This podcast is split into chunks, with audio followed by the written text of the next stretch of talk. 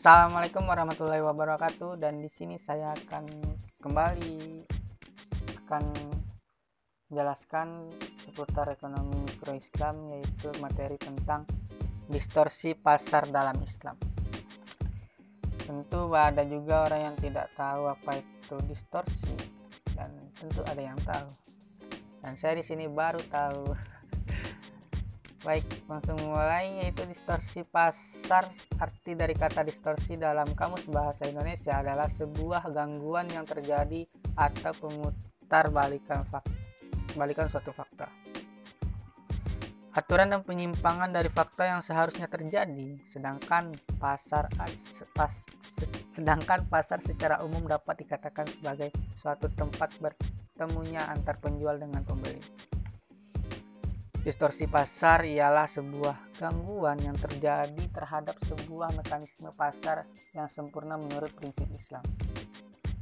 Ataupun bisa juga dikatakan bahwasanya distorsi pasar ialah suatu fakta yang terjadi di lapangan yang mana fakta tersebut tidak sesuai dengan eh, teori-teori uh, yang seharusnya terjadi di dalam sebuah mekanisme pasar. Bentuk-bentuk distorsi pasar pada garis besarnya distorsi pasar dalam ekonomi Islam diidentifikasikan dalam tiga bentuk distorsi. Yakni sebagai berikut. Satu, rekayasa penawaran dan rekayasa permintaan. Dalam fikih Islam, rekayasa penawaran lebih dikenal sebagai ih, ih tikar ya, sebagai ikhtikar Sedangkan rekayasa permintaan dikenal sebagai ba'i najasi, yaitu sebagai ber, ya itu ya, naik najasi.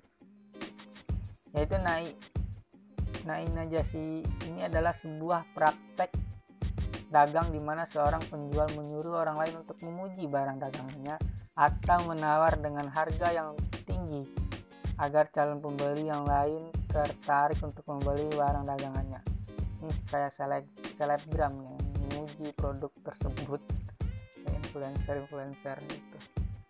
Nah Rasulullah pernah bersabda yang artinya janganlah kamu sekali melakukan penawaran terhadap barang tanpa bermaksud untuk membeli. Hadis riwayat Tirmizi. Dari hadis Nabi di atas dijelaskan bahwa praktek jual beli najasi merupakan salah satu praktek penawaran palsu yang akan menaikkan harga dan dilarang dalam agama Islam. Contoh bain najasi banyak sekali. Pada waktu Indonesia dilanda kritis moneter pada tahun 1997 sampai 98 ya tentunya.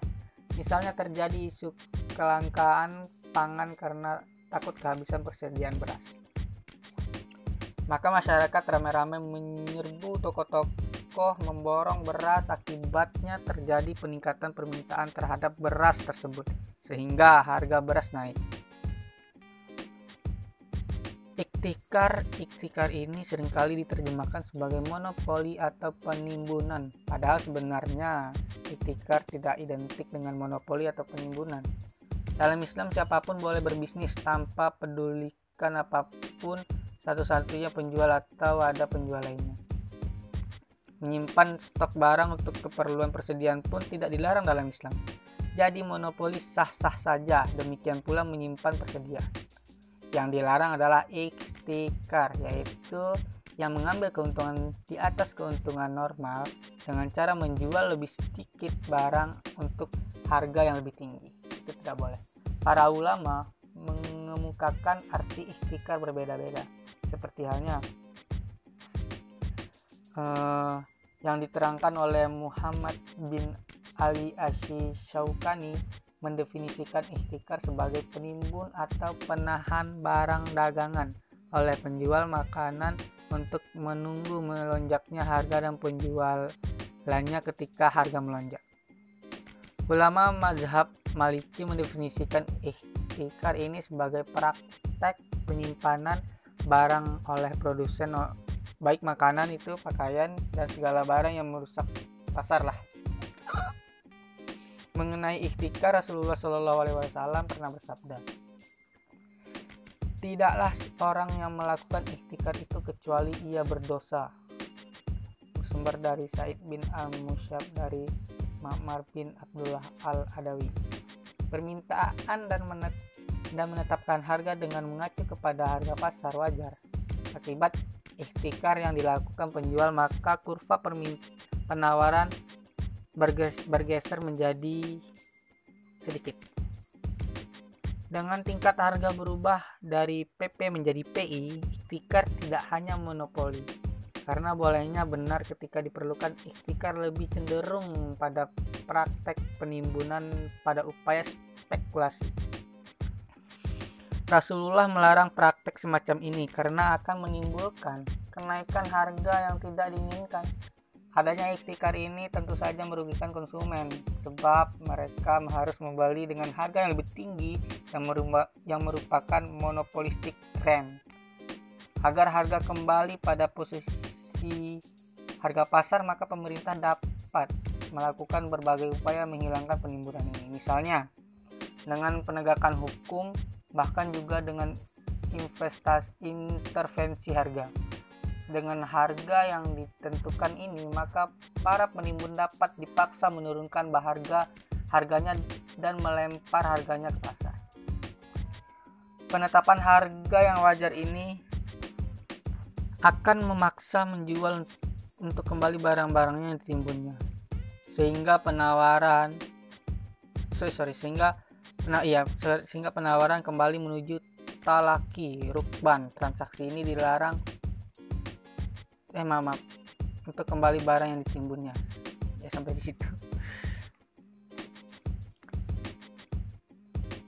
Dan talaki rukban. Transaksi ini dilarang karena mengandung dua hal. Pertama, rekayasa penawaran yaitu mencegah masuknya barang ke pasar.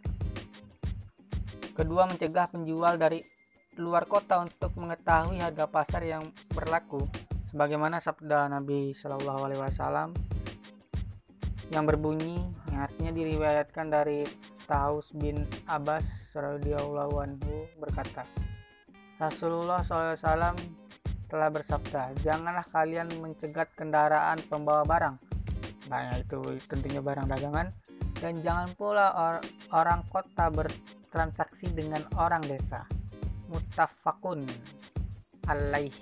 Mencari barang dengan harga yang lebih murah tidaklah dilarang. Namun apabila transaksi jual beli antara dua pihak di mana yang satu memiliki informasi yang lengkap dan yang satu tidak tahu yang tidak tahu informasi apa-apa dan tidak tahu berapa harga pasar yang, sesungguhnya dan kondisi demikian dimanfaatkan untuk mencari keuntungan yang lebih. Biasanya gitu. Maka terjadilah penzoliman oleh pedagang kota terhadap petani di luar kota tersebut. Dan inilah inti mengapa dilarangnya tolak rukban karena ketidakadilan yang dilakukan oleh para pedagang kota yang tidak menginformasikan harga pasar yang sebenarnya.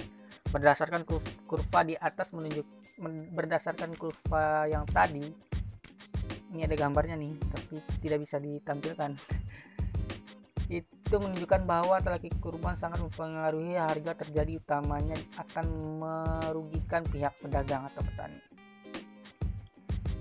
Uh, di desa dan juga ya petani desa dan juga merusak harga pasar. Dengan adanya pencegatan oleh pedagang para para petani menjadi para petani menjadi kurva penawaran mempengaruhi harga di mana harga terbentuk mestinya pada titik puas berubah menjadi tidak puas. Tingginya harga kepuasan dipengaruhi oleh kesediaan barang yang berkurang di kota karena pedagang desa tidak bisa masuk ke kota yang mesti jumlahnya dua kali lipat sehingga hanya sebesar satu kali saja. Dari sini dapat disimpulkan bahwa praktek taliki rukban merupakan salah satu praktek zolim yang tidak bisa diterima dalam ekonomi Islam. Tadlis kondisi ideal dalam pasar adalah eh, apabila penjual dan pembeli mempunyai informasi yang sama tentang barang akan dijual yang akan diperjualbelikan. Apabila salah satu pihak tidak mempunyai informasi seperti yang dimiliki oleh pihak lain maka salah satu pihak akan merasa dirugikan terjadi kecurangan penipuan. Kitab al suci Al-Quran dengan tegas telah melarang semua transaksi bisnis yang mengandung unsur penipuan terhadap pihak lain bagaimanapun bentuknya seperti dalam surat Al-An'am ayat 152 yang berbunyi dan janganlah kamu dekati harta anak yatim kecuali dengan cara yang lebih bermanfaat hingga sampai ia dewasa. Dan sempurnakanlah takaran dan timbangan dengan adil. Kami tidak memikulkan beban kepada seorang melainkan sekedar kesanggupannya. Dan apabila kamu berkata maka hendaklah kamu berlaku adil kendati pun ia adalah kerabatmu. Itu